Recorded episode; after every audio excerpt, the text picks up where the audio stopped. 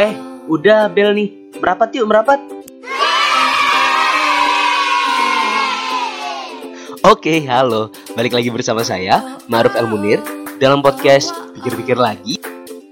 Untuk teman-teman yang baru pertama kali gabung di podcast Pikir-Pikir Lagi, jadi podcast Pikir-Pikir Lagi ini fokus akan isu-isu tentang kesehatan mental, kepemudaan, pengembangan diri, dan juga psikologi.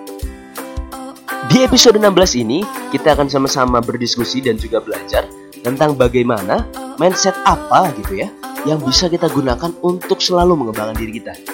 Nah, di episode ini spesifik yaitu tentang belajar dari pengalaman. Bagaimana kita menerapkan belajar dari pengalaman itu menjadi sebuah mindset dan tentunya untuk pengembangan diri kita. Simak selengkapnya ya. Yuk, langsung aja kita mulai. 3, 2, 1.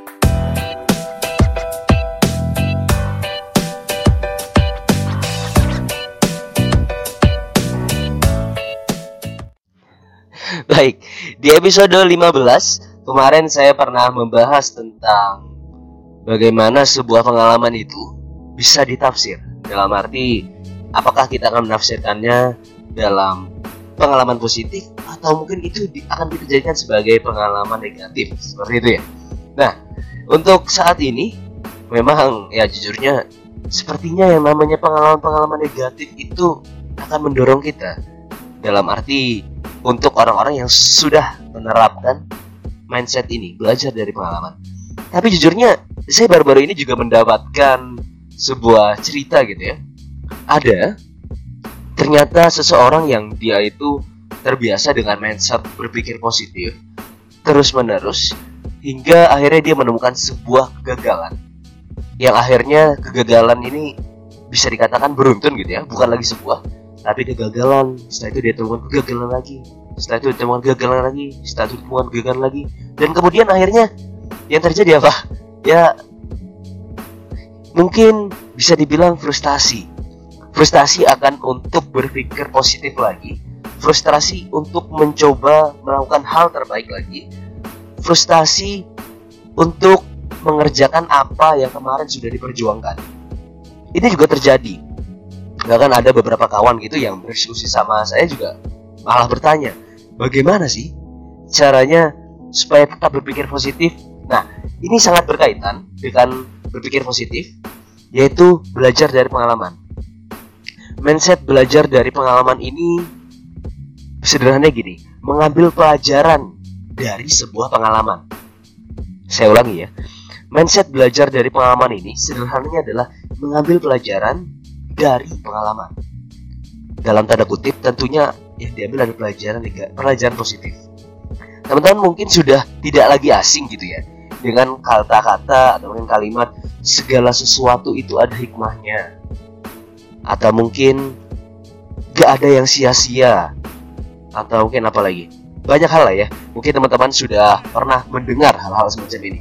Nah, saya rasa hal-hal semacam ini, kalimat-kalimat seperti tadi, itu adalah sebuah dasar untuk kita untuk selalu mengambil pelajaran positif dari pengalaman. Oke, jadi itu udah tanda, pakai tanda kutip ini ya, pelajaran positif dari pengalaman. Kalau kemarin ketika ditafsirkan, ditafsirkan tuh ketika misalnya kita diterpa sebuah masalah, kemudian kita menafsirkannya itu adalah pengalaman negatif, itu akan menjadi sesuatu yang kita percayai, kita believe, kita percaya, yang mungkin ke depan akan ketika berlangsung lama itu akan menjadi value.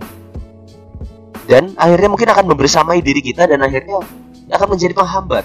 Dan mungkin akan sangat berkaitan lagi dengan yang namanya mental block. Mungkin itu udah wah episode jadul kayaknya udah pernah saya bahas. Nah ini akan sangat berbahaya jadi kenapa saya cukup konsen berbicara tentang pengalaman karena ya inilah yang terjadi.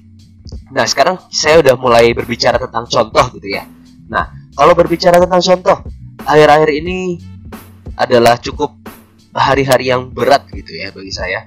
Dalam arti kurang lebih sekitar satu bulan yang lalu saya menyelesaikan skripsi saya. Tapi bisa dibilang banyak pengalaman-pengalaman yang menyadarkan saya. Dalam arti pelajaran-pelajaran yang saya ambil dari pengalaman mengerjakan skripsi ini. Salah satu di antaranya kondisinya seperti ini teman-teman. Jadi ketika sebelum mengerjakan skripsi jujurnya IPK saya ketika itu 3,52 3,52 yang mana ketika itu tentunya sudah cum laude gitu ya. Karena kalau di kampus saya cum laude itu didasarkan 3,51 minimal seperti itu. Dan akhirnya saya udah berpikir seperti ini wah kayaknya kalau saya ngerjain skripsi udah nggak perlu deh nih ngerjain bagus-bagus. Udah nggak perlu deh nih ngerjain yang matang-matang banget terus progresnya panjang banget sampai misalkan 6 bulan atau eksperimen dan segala macam jadi ketika itu saya hanya berpikir sederhana. Sederhana seperti apa? Jadi hanya berpikir ah udahlah ngerjain skripsi apa adanya yang penting lulus. Nah ini ya dalam tanda kutip ah, saya mengerjakan hal ini dengan tujuan ah udahlah yang penting lulus. Seperti itu. Singkat cerita ketika saya sidang yang terjadi adalah saya mendapatkan nilai yang jauh dari yang semestinya. Saya bilang jauh dari semestinya. Jauh dari semestinya seperti ini. Saya itu kan niatnya apa adanya itu kan supaya lulus cepat. Karena saya udah yakin ah saya kan juga udah kumlot saya dapat amin aja sudah tetap kumlot gitu lah. Dan ternyata niat tadi ini memberikan sebuah pengalaman lain yang akhirnya memberikan nilai skripsi saya hanya B gitu. dan yang menyakitkan adalah ternyata ya begitulah apa bisa tebak ya Ya intinya IPK saya ternyata sudah tidak lagi 3,5 3,52 tapi menjadi 3,50 yang berarti hanya terpaut 0,1 untuk menjadi seseorang dengan lulusan kumlot gitu ya. Ya jujurnya menjadi cukup nyesek gitu ya ketika itu. Cukup nyesek dan ketika itu yang sering terjadi dan juga sering muncul di kepala saya adalah ah bego banget sih ini. Bego banget nih orang nih. Ngapain sih lu? Mau sok-sokan apa adanya sok-sokan gaya-gayaan udah pasti kumlot lu ngerasain sendiri kan? Itu jujurnya itu terjadi di kepala kepala saya beberapa hari setelah nilai keluar itu ya. Ya itulah. Tapi ketika itu terjadi di saat itu juga muncul pengalaman atau mungkin muncul persepsi dalam arti gini wah kok bisa ya gue mengambil keputusan semacam ini. Dalam arti, kok bisa sih saya mau-maunya memilih untuk ngerjain apa adanya, sedangkan mengharapkan masih mengharapkan yang terbaik gitu ya. Bisa dibilang seperti itu. Nah, kaitannya dengan mindset mengambil pelajaran dari pengalaman adalah seperti ini. Saya terus menggali apa saja pengalaman yang saya dapatkan selama proses itu. Salah satunya ini, salah satunya saya sadar baru menyadari ternyata ada satu titik yang di mana ketika saya mendapatkan nilai B itu saya jadi ceritanya saya saya minta maaf saya minta maaf kepada dosen saya bu saya minta maaf kalau seandainya dalam mengerjakan skripsi saya mengerjakan apa adanya karena jujur saya punya saya nggak banyak berharap dan saya harapannya hanya ingin cepat lulus bu. Mohon maaf kalau saya mengerjakannya seperti itu. Jadi karena dengan mindset ini jadi banyak hal yang pelajaran yang saya dapat. Salah satunya tiba-tiba dosen ini ada berkata seperti ini. Ya Ma'ruf kamu sebagai seorang anak muda gitu ya yang masih terus berkembang sudah seharusnya kamu tidak seperti ini. Kamu mengerjakan sebisa mungkin sebagus mungkin itu adalah suatu bentuk syukur atas potensi yang sudah Allah berikan kamu atas potensi yang sudah Tuhan kasih kamu jadi secara tidak langsung otak saya dalam arti sudah mengambil pelajaran seperti ini. Wah, berarti apa yang kemarin saya lakukan itu adalah sebuah kufur nikmat, sebu sesuatu yang sebenarnya ya bisa dibilang itu apa ya sebagai tanda saya kurang bersyukur atas apa yang Tuhan berikan ke saya dengan segala potensi saya, potensi dalam dalam arti akademik saya, tapi saya tidak menggunakan sepenuhnya itu untuk mengerjakan skripsi saya. Ini adalah sebuah pelajaran banget gitu ya. Ya, itulah sederhana seperti itu. Nah mungkin ini saya kasih sebuah contoh lagi penerapan yang mungkin tanpa disertai cerita gitu ya. Intinya begini teman-teman, mengambil pelajaran dari sebuah pengalaman itu seperti ini. Pernah nggak sih teman-teman ada banyak hal kebetulan yang dirasa terjadi di hidup teman-teman. Misalkan teman-teman habis dari kuliah, habis dari kuliah entah kenapa tiba-tiba ada yang ngajak eh main yuk ke kosan oke main ke kosan terus tiba-tiba ada sebuah topik yang diobrolkan misalnya ada sebuah topik yang diobrolkan. Atau mungkin tiba-tiba ada yang kamu lagi ke mana terus tiba-tiba ketemu dengan siapa? Pernah nggak sih teman-teman itu menjadikan itu sebagai sebuah mindset? Di mana ada sebuah usaha dari pikiran atau mindset kita. Ada sebuah usaha dari mind kita untuk mencari hikmah dari segala sesuatu pengalaman tadi. Dari topik yang diobrolkan ketika di kos teman tadi atau mungkin dari orang yang kita temui ketika ya di hidup kita gitu aja dalam hari-hari. Ini adalah sebuah pengalaman lagi gitu ya.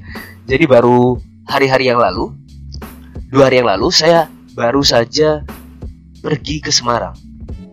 Pergi ke Semarang itu saya dadakan karena saya mendapat panggilan gitu ya panggilan interview di sebuah perusahaan di Semarang gitu itu saya baru tahu sore. Saya baru tahu sore ini saya kepikiran wah ini gimana ya caranya berangkat ke sana padahal belum pernah ke sana. Akhirnya ya entah kenapa saya ketika itu lagi di dekat kontrakan teman saya aja. Ya saya datang ngobrol-ngobrol-ngobrol. Ternyata ketika di sana saya mendapatkan suatu obrolan yang akhirnya mengarah udah deh lebih baik kamu naik ini aja naik ini naik ini aja. Akhirnya saya mendapatkan sebuah sesuatu. Wah ternyata aku dari tadi main di dekat sini maksud terbaiknya atau mungkin tuh yang Tuhan maksud itu adalah saya sebenarnya disuruh ke sini untuk supaya tahu caranya untuk pergi ke sana tuh seperti apa, ke Semarang seperti apa. Nah, kemudian akhirnya saya pergi ke Semarang itu naik bis. Saya pergi ke Semarang naik bis dan ternyata saya berangkat pukul 5 pagi. Berangkat pukul 5 pagi dengan uang yang cukup mepet ketika itu. Saya ketika itu hanya memegang 200 ribu yang mana perjalanan ke Semarang itu yaitu sampai terminal Sukun sekitar menghabiskan 45 ribu. Dan kemudian dari terminal Sukun sampai ke kantor perusahaan itu menghabiskan 45 ribu lagi. Bisa dibilang digenapin aja 100 ribu lah. Jadi saya berpikir waduh gila banget ini. Kalau seandainya 100 ribu bolak balik ini mau makan apa selama perjalanan? Ya akhirnya selama perjalanan saya cuma mikir ah udahlah. Bismillah. Entah nanti mungkin ada maksud lain lah Allah ngantar aku ke sini.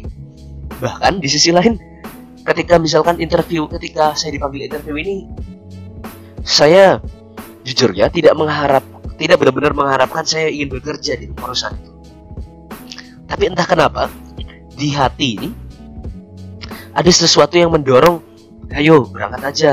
Kayaknya kamu akan mengambil pelajaran banyak deh kalau kamu ikutin prosesnya dulu. Itu sudah ada dorongan itu. Karena saking saya menanamkan mindset ini. Jadi ketika itu dan ketika di sana saya interview dan segala macam saya ketemu dengan seseorang yang emang sudah saya temui beberapa kali tiga empat kali selama proses seleksi rekrutmen ini.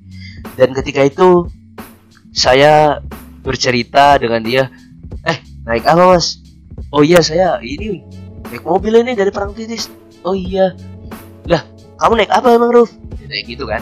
Pas waktu ditanya. Ya jujur aja sejuk wah iya mas saya naik bis ini. Berangkat jam 5 pagi dari Jombor dan jujur aja saya bilang wah begitu lumayan lagi nih habis 100 ribu kan.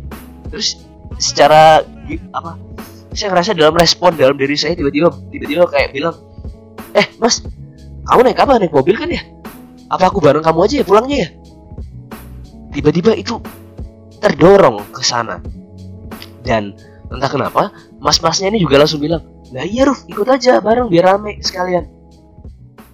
Biar rame sekalian. Nah, singkat cerita saya pulang bareng di tengah perjalanan banyak obrolan begitu ya. Banyak obrolan dan setelah sampai kos, kalau ditanya pelajaran apa yang saya ambil dari pengalaman itu dan sebenarnya ada maksud baik apa yang Allah harapkan dari apa yang terjadi sama diri saya. Jadi ternyata selama perjalanan ada topik-topik yang sebenarnya belum pernah saya dapatkan untuk obrolkan. Contohnya obrolan tentang sejarah-sejarah Jogja. Ternyata orang ini adalah teman saya yang ini adalah se seorang yang menganut Islam kejawen karena tinggalnya di daerah Parangtritis gitu. Akhirnya saya mendapatkan sebuah pembelajaran. Nah ini yang saya maksud. Ternyata ketika saya pergi ke Semarang itu bisa jadi bukan hanya interviewnya atau mungkin bukan hanya wawancaranya yang menjadi sebuah esensi dari perjalanan ternyata esensi yang saya dapat adalah lebih ke arah perjalanan pulang ternyata selama perjalanan pulang begitu banyak pengalaman atau mungkin pembelajaran yang bisa saya ambil entah itu dari pengalaman ketika di perjalanan entah itu dari topik yang dibicarakan. Kalau kemarin itu jujurnya saya banyak membahas tentang bagaimana mereka itu survive. Keluarga mereka tuh survive dari keluarga yang bandel. Bisa dibilang keluarga mereka ini ada yang bandar gitu ya. Ada yang satu bandar ganja, yang satu bandar sabu-sabu kalau nggak salah. Dan akhirnya sekarang menjadi orang yang kalau saya lihat menjadi cukup baik gitu ya. Sudah mulai rajin sholat dan segala macam. Dan dia ternyata sangarnya lagi. Ternyata sampai sekarang pun mereka juga masih ada yang punya gangster. Dalam arti kalau mereka lagi nggak suka sama orang itu ya dia bisa langsung langsung telepon aja cuy ke rumah gua jagain rumah gua. Atau mungkin langsung bilang cari orang namanya ini habisin.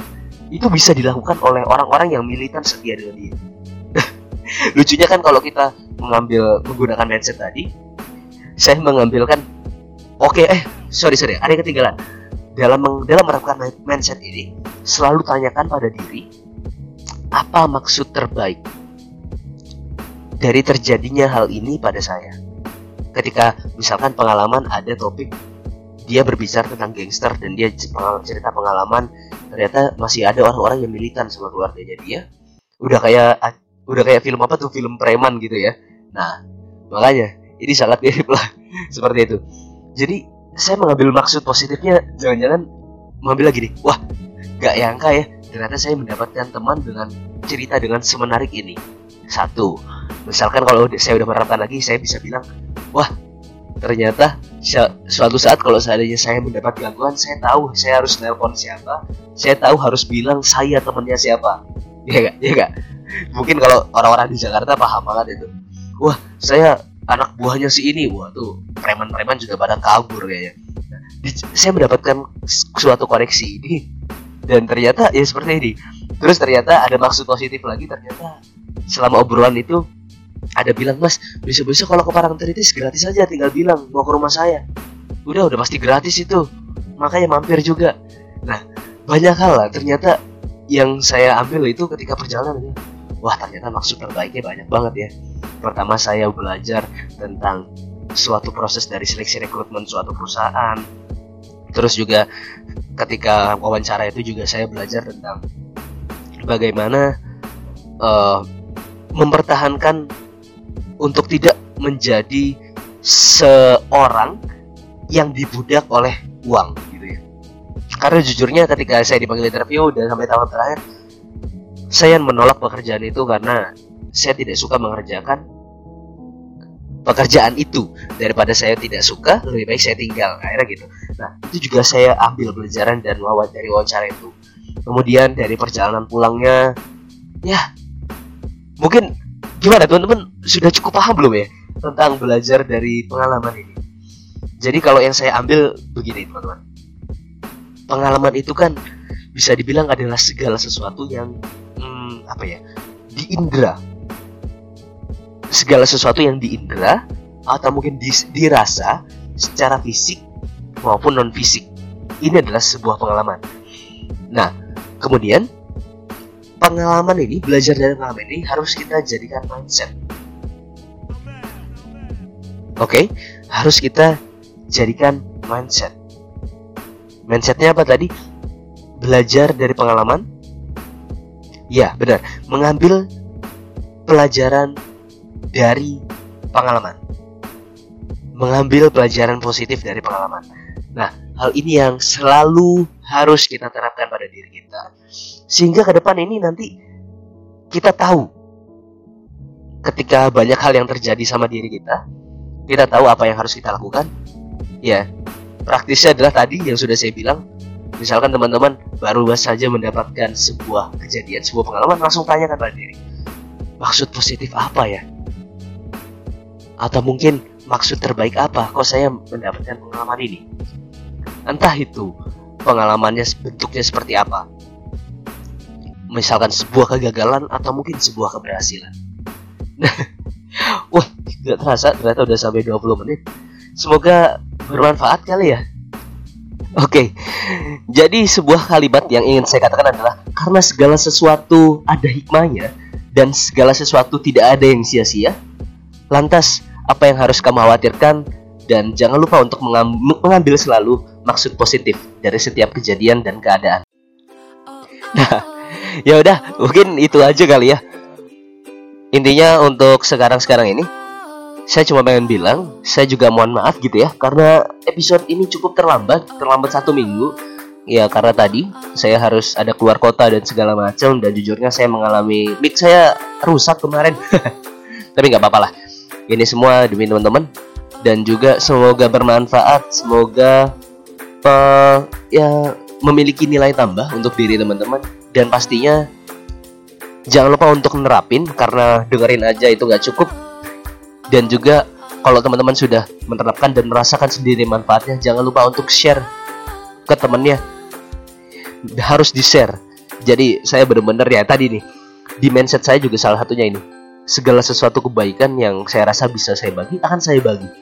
Dalam hal ini baginya dengan cara tentu saja bisa dengan di IG story atau mungkin bisa via apa Twitter atau mungkin apa saja lah medsos teman-teman. Silakan nanti di tag saya biar bisa saya repost gitu ya. Biar nanti semakin banyak konten positif yang tersebar. Bukan lagi konten positif yang macem-macem. Kalau sekarang ini saya lihat di trending itu ada sebuah konten yang ternyata lagi viral banget ternyata Nasar lagi apa namanya ngelamar Saskia Gotik. Atau mungkin apa tadi tentang pernikahan Reno Barak dan Syahrini. Ya ilah masa mau gitu-gitu aja? Udah mau udah mau bonus demografi? Indonesia masih bahasnya kayak gitu apalagi untuk anak mudanya gini. Ya janganlah. Coba deh dukung terus konten positif. Intinya jadikan segala pengalaman sebagai sebuah pembelajaran baik dis pokoknya diskusi lebih lanjut bisa di kita lanjut di email marufelmunir@gmail.com atau mungkin di Instagram di marufelmunir oke itu aja ya dari saya kurang lebihnya mohon maaf wassalamualaikum warahmatullahi wabarakatuh sampai jumpa di podcast Pikir Bagi episode selanjutnya. Dadah!